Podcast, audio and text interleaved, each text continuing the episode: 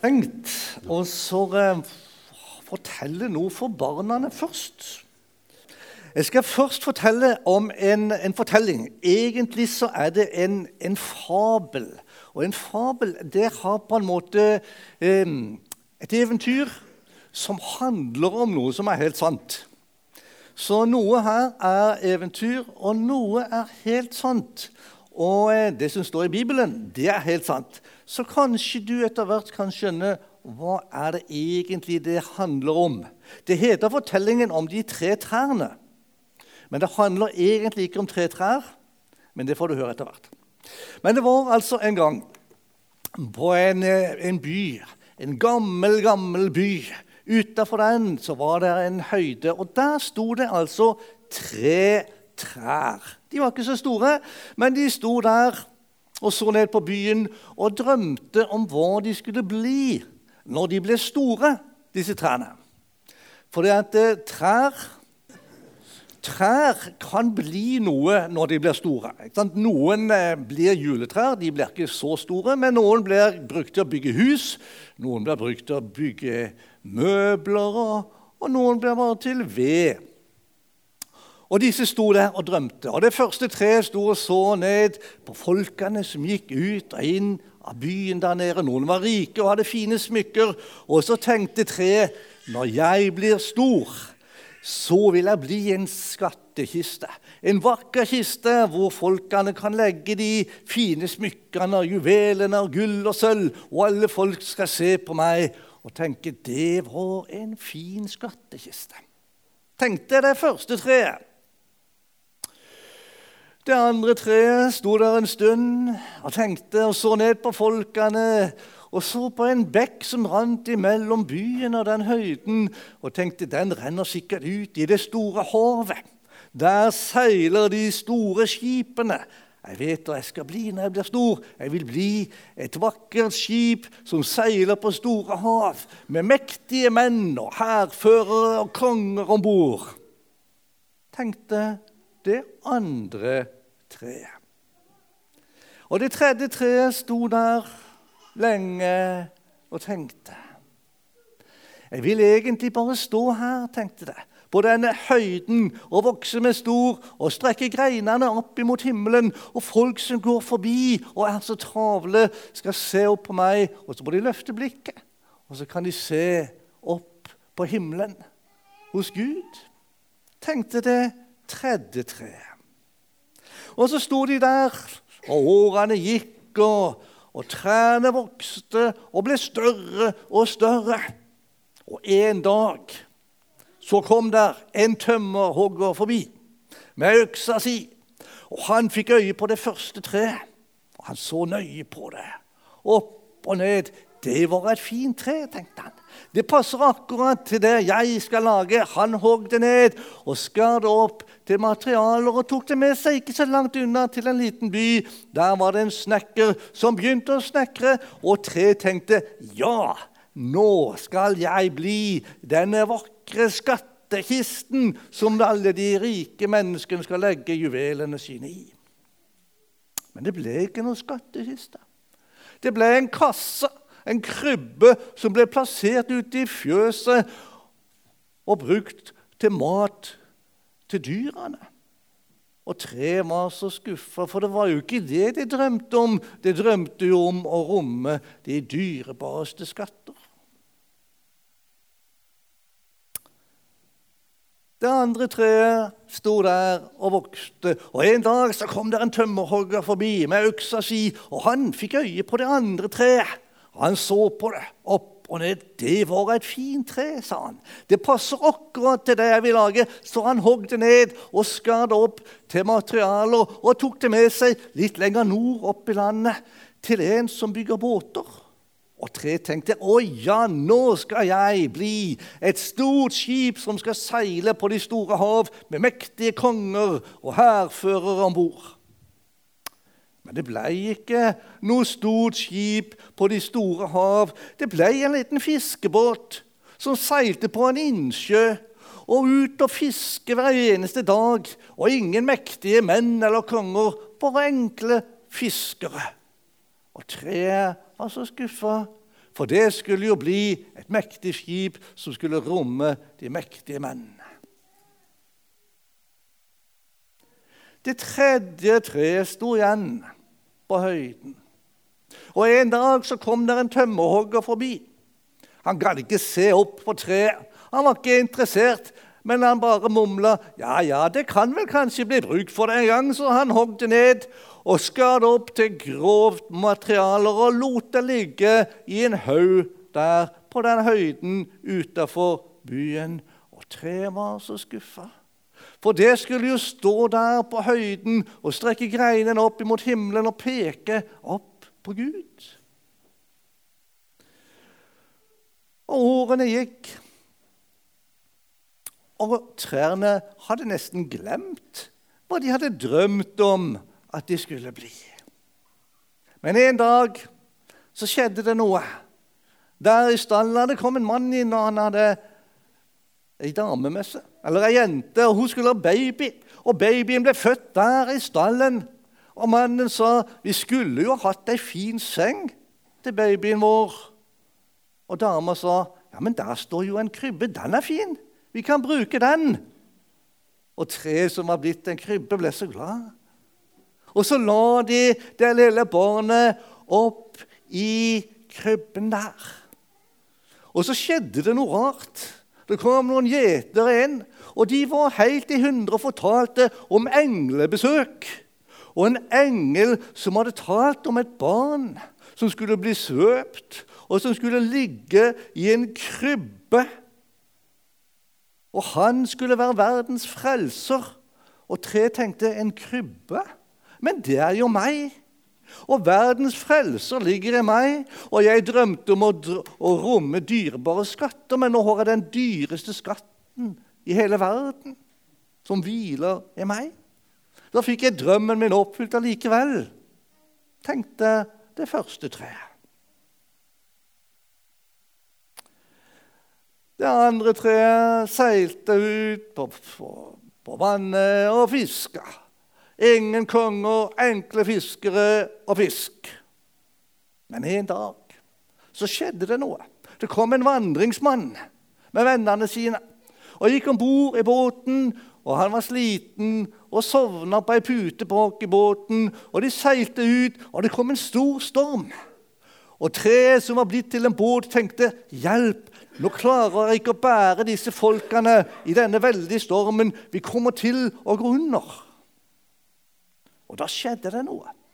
Han Mannen bak i båten våkna, og han reiste seg. Og han trua vinden og bølgene og sa 'vær stille', og det ble blekende stille. Og båten, eller treet som var blitt en båt, tenkte 'for en mektig mann'. Han er jo mektigere enn alle konger og hærførere i verden, den mektigste av de alle som seiler med meg. Da fikk jeg visst drømmen min oppfylt likevel, tenkte det andre treet. Det tredje treet lå der på haugen utenfor den gamle byen.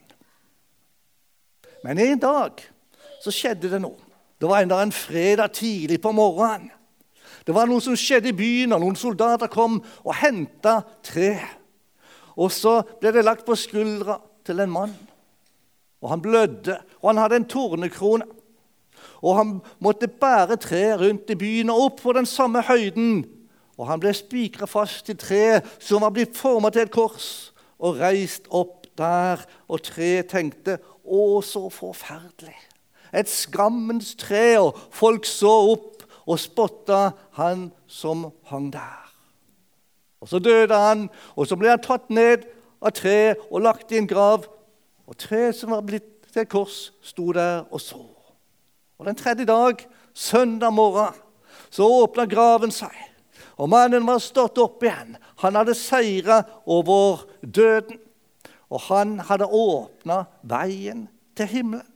Og siden den dagen så har treet, eller korset, stått på høyder og på kirketårn over hele verden og pekt opp mot himmelen, mot Gud. Og tre tenkte så fikk jeg drømmen min oppfylt allikevel. Og Det begynte altså med det lille barnet som ble lagt i en krybbe, og som er verdens frelser. Og Da skjønner du at det handler egentlig ikke om trærne, men om Jesus. Han som ble lagt i krybben. Han som stilla stormen på Genesaretsjøen. Han som ble hengt på korset, og som sto opp igjen og åpna veien for oss til Gud. Og det var fortellingen om de tre trærne. Det passet akkurat.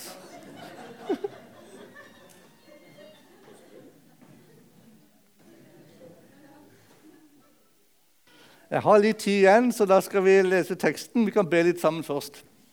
Kjære Jesus, vi takker deg for at du kom den første julenatt, og at du åpna veien til himmelen.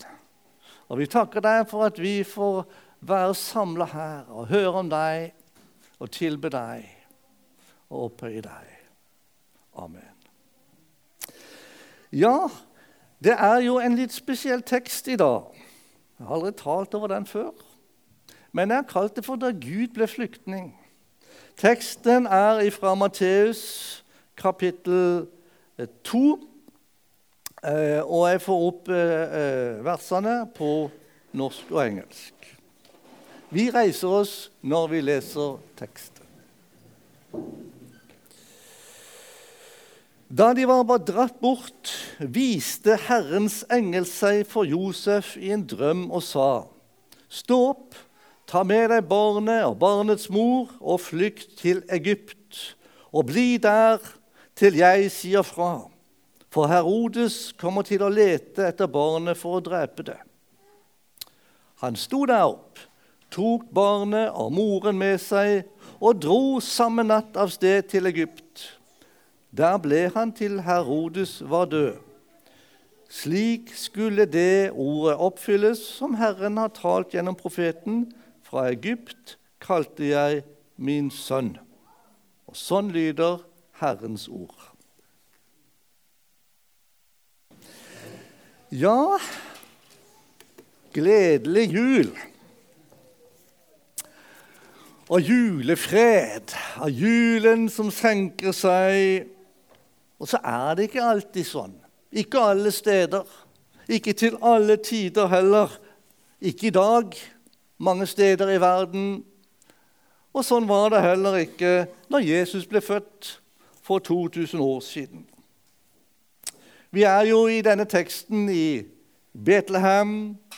De vise menn fra Østerland har vært på besøk. Det er jo teksten for neste søndag, så den skal jeg ikke ta ifra Frank. Men det besøket fikk jo alvorlige konsekvenser for mange mennesker.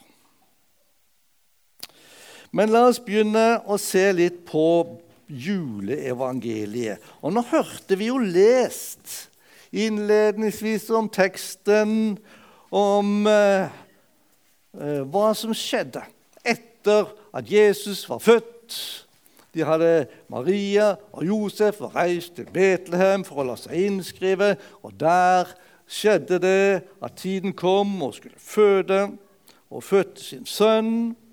Og så kom hyrdene, og så gikk de til eh, tempelet, og Jesus ble omskåret. Og så møtte de Simon, og så møtte de Anna.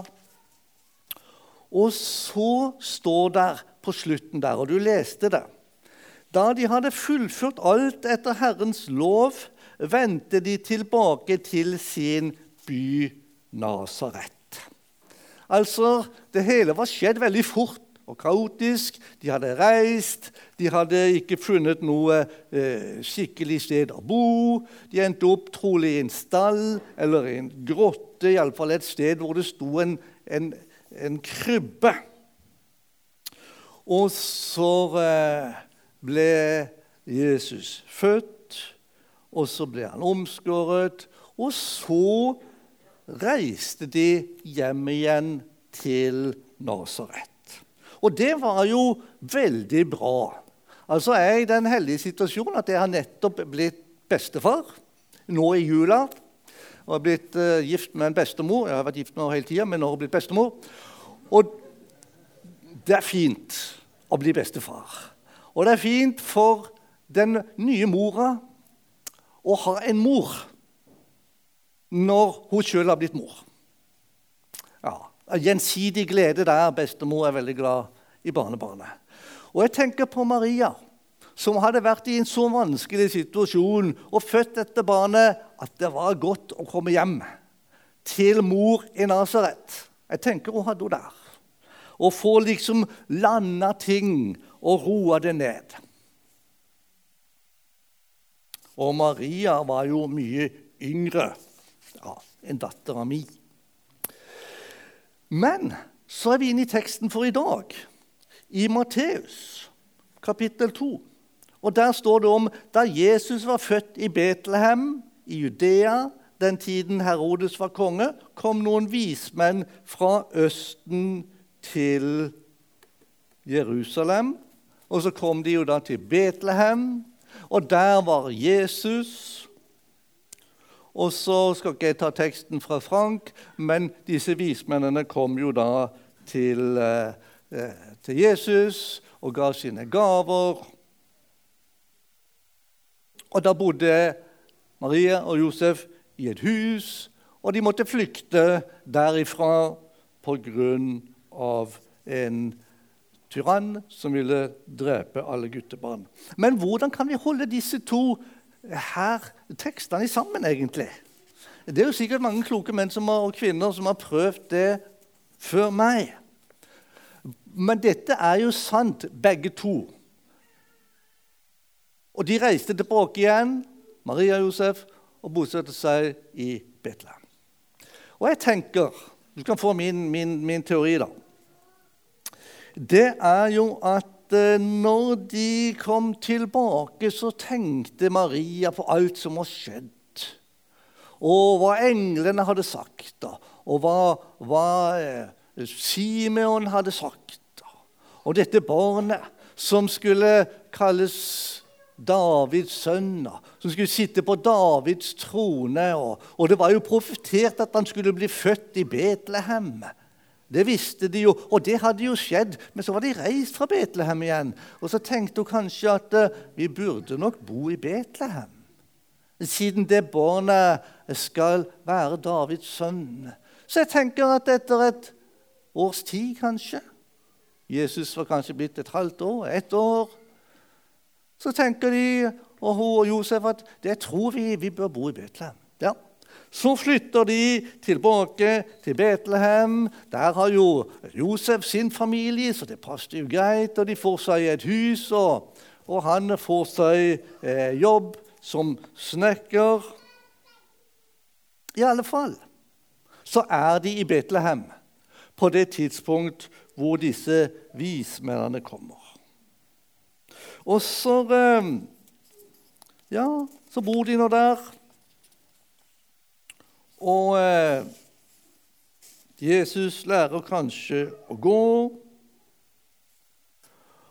Og så en dag får de besøk av disse rare mennene med fremmede språk og fremmede drakter, som altså tilber denne lille guttungen som om han skulle være en konge og de bærer fram sine kostbare gaver. Og du vet, Maria hadde aldri sett sånne fine ting. Gull og, og røkelse og myrra.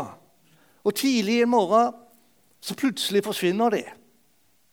Disse vismennene, eller hva de skulle kalle det.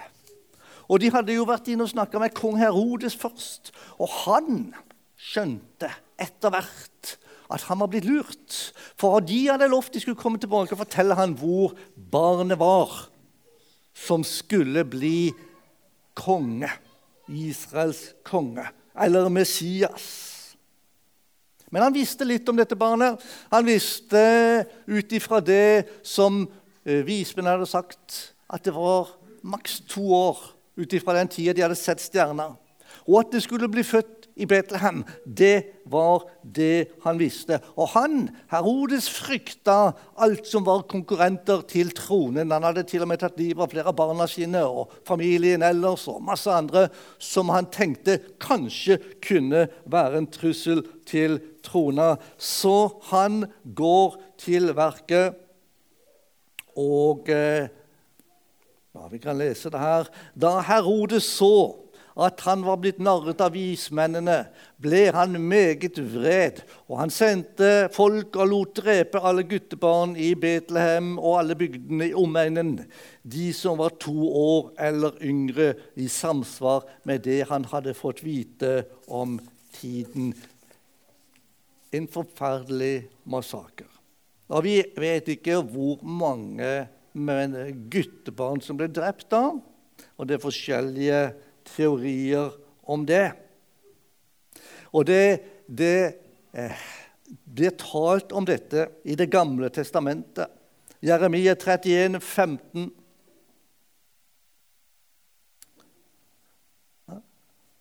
Hvor det står i Rama hørte skrik, klager, sang og bitter gråt.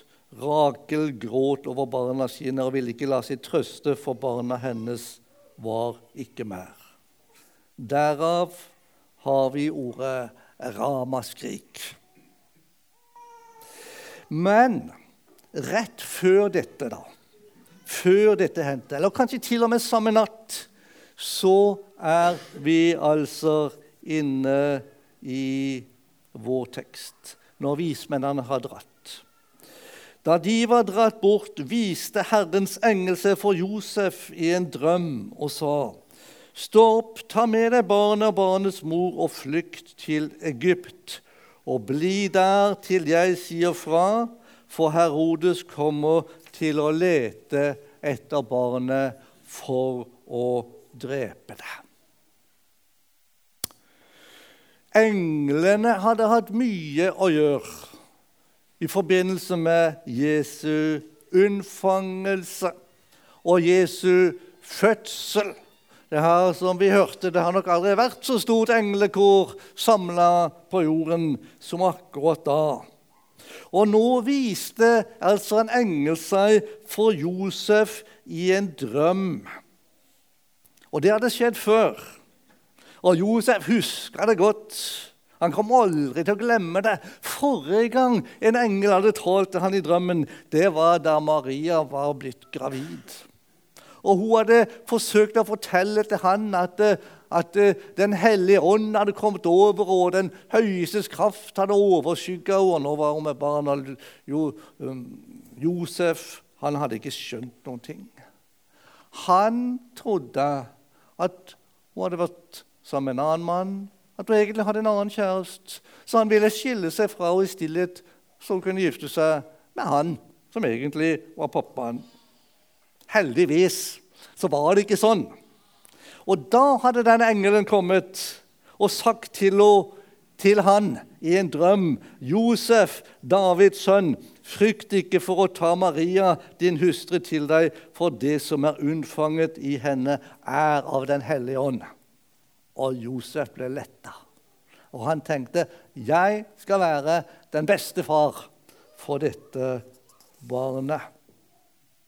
Men nå, nå kom engelen til han igjen om natten i en drøm. Men budskapet var et helt annet. Stopp og ta barnet og mora med deg og flykt til Egypt. Hva gjør man i en sånn situasjon? Hva gjør man dersom Gud taler til oss en drøm eller på en annen måte Du vet, Gud taler til oss i dag òg. Gjennom engler eller drømmer eller andre mennesker. Og ikke minst gjennom drømmer. Jeg hørte just om en, en muslim. Han het Hanif. Han var egentlig en sjeik i Øst-Afrika.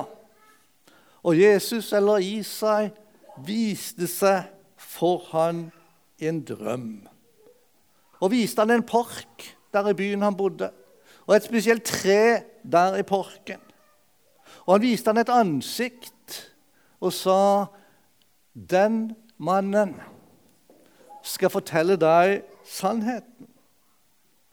Og Hanif han, han tenkte han hadde lenge søkt og leita etter sannheten. Og så fant han denne parken han hadde sett i synet i drømmen, og så fant han dette treet.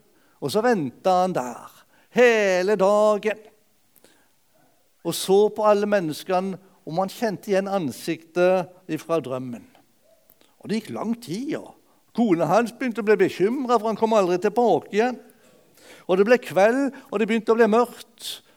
Og Så kom det tre menn gående, og plutselig kjente han igjen den ene ifra drømmen. Og Han tok mot til seg og spurte om man kunne fortelle hva han hadde sett om drømmen og om en som skulle fortelle ham sannheten. Og det er deg, sa han, og pekte på mannen som han hadde sett i drømmen. Og den mannen han het Wafi. Han var en kristen leder som også hadde hatt en drøm om at en sjeik skulle komme til ham. Og så fikk de dele evangeliet for denne mannen og for hans familie, og de tok imot Jesus. Og så fins det mange sånne fortellinger. Kanskje til og med en del av dere her har sånne opplevelser. Og Gud er jo en Gud som taler til oss også i dag. Kanskje ikke han bruker drømmer så ofte til oss, for iallfall jeg, jeg glemmer drømmene før jeg har våkna. Og du vet, Hvis han skal tale til oss i drømmer, så er det jo lurt at vi husker dem.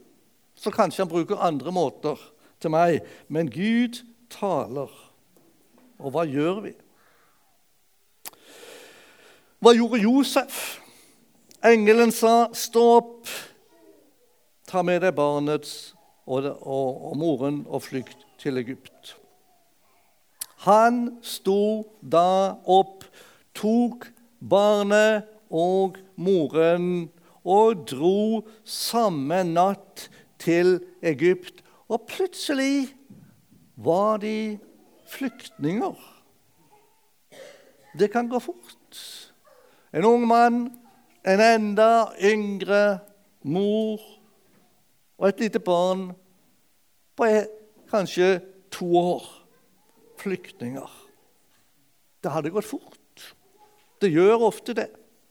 Det hadde jo gått så bra hittil. De hadde bodd i, Betlehem sånn som de tenkte de skulle gjøre, ut ifra Skriftene. De hadde fått et hus, iallfall bodde de i et hus.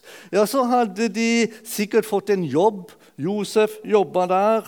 De hadde slektninger, de hadde naboer, de hadde venner. Og de hadde til og med hatt finfint besøk av disse rare folkene fra Østerland som hadde kommet med disse kostbare gavene. Maria hadde ikke skjønt helt hva som foregikk. Men eh, de hadde tilbedt den lille gutten hos sin som om han var konge.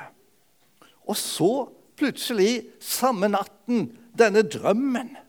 Og Josef dunker borti Maria. 'Du må våkne, jeg hadde en drøm.' 'Å, hadde du det?' 'Ja, jeg drømte at en engel sa vi måtte flykte.' 'Ja, men hva skal vi gjøre da?' Og Maria sa, 'Vi må flykte, selvfølgelig.' For uh, de hadde litt erfaring med engler. Så de tok med seg de viktigste tingene. Og så tok de jo selvfølgelig gull og sølv og røkelse, for det var jo liksom eh, reisevaluta. da. Og så tok de den lille guttungen som sov i senga, opp på eselet og dro av sted. Og over natta så var Maria og Josef og Guds sønn Jesus blitt flyktninger. Og noen ganger går det fort. Og vi kjenner flyktninger. En god venn av meg, Steffen Kaumba Noen har sikkert hørt hans historie. Han ble fengsla i Kongo for mange år siden. Tre år. Og så var Det det var pga. at han var tutsi, og han hadde fortalt om dette i en radio som han jobba i. Og Så satt han i fengsel, og så var det julaften jeg tror det er ca. 15 år siden, så var det opprør i fengselet. Og alle rømte. Han eh, var så svak han klarte ikke å rømme. Men broren hans, som også var fengsla, hadde rømt, men kom tilbake igjen og bar han med seg ut av fengselet. På veien ble broren skutt mens han bar Steffen og døde der julaften. Steffen ble etter hvert redda kom i en flyktningleir i Zambia og ble senere kvoteflyktning til Norge og begynte å leite etter familien sin nede i Kongo. Fant ut at eh, kona hans var død. Men han hadde en datter, for kona var gravid den gang han ble fengsla. Han begynte å spore opp denne dattera. Og det gikk lang tid og mange år. Og så, for åtte dager siden, den 21. desember, var vi på Kjevik og tok imot Steffen og dattera hans, som hadde fått familiegjenforening og kom hjem og fikk feire jul i Norge. Det var en glad historie, årets julegave. Noen ganger går det sånn, ikke alltid. Men Maria og Josef de ble flyktninger i Egypt. Det var, det var, vi vet jo ikke så mye om den flukten. Det er to ruter man kunne reise. Det ene var den enkleste ut til Middelhavet, Gaza og ned den veien. Det andre var sørover mot Bersheba, nede i Negev-ørkenen og helt ned i Sinai-ørkenen, og så østover den veien. Det var en lang og farlig tur. Det tok iallfall kanskje to uker. Forhåpentligvis så fikk de følge med en karavane, ellers var det veldig farlig. Og Det kunne også hende at noen hadde tipsa soldatene til Herodes, og at de var ute og leita etter de.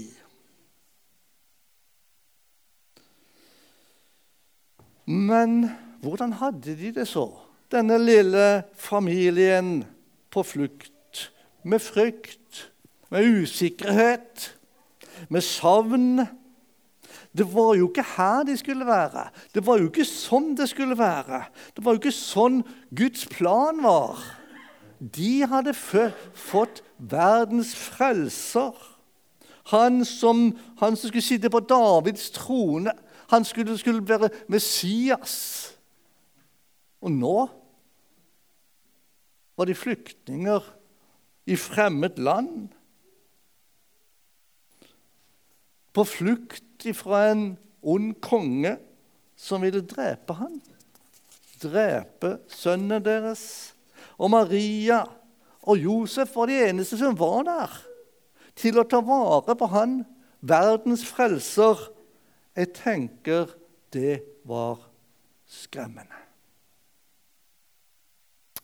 Er det sånn å være flyktning? Jeg vet ikke, for jeg har aldri prøvd. Heldigvis så varte ikke flyktningetilværelsen så veldig lenge. Vi vet ikke riktig, det er forskjellige teorier. Ett år, to år, tre år. Kanskje så fikk de hjelp av gode mennesker der. Ja, Så hadde de denne reservekapitalen som de hadde fått av vismennene. da. Så er vi her. Og så er flyktningeproblematikken en ting som vi kjenner godt, alle sammen. Og vi kan hjelpe flyktninger som kommer her, enten det er kort eller lang tid. Og så vet vi òg at de aller fleste som kommer som flyktninger, de vil mer enn gjerne reise tilbake til sitt hus, til sitt nabolag, til sitt hjem, om det bare var trygt nok. Og det ville jo Maria og Josef òg. Og da de var dratt bort, så viste Herrens engel seg igjen og sa til Herodes at han skulle kunne vende hjem. Der ble han til Herodes var død. Slik skulle det ordet oppfylles som Herren hadde talt gjennom profeten. Fra Egypt kalte jeg min sønn. Det var jo en profeti hos Hosea 11. da.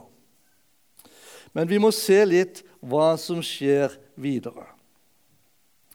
Sånn avslutningsvis. Etter at Herodes var død, viste Herrens engel seg i en drøm for Josef i Egypt og sa:" Stå opp, ta med barnet og barnets mor og dra til Israels land, for de som ville ta livet av barnet, er døde.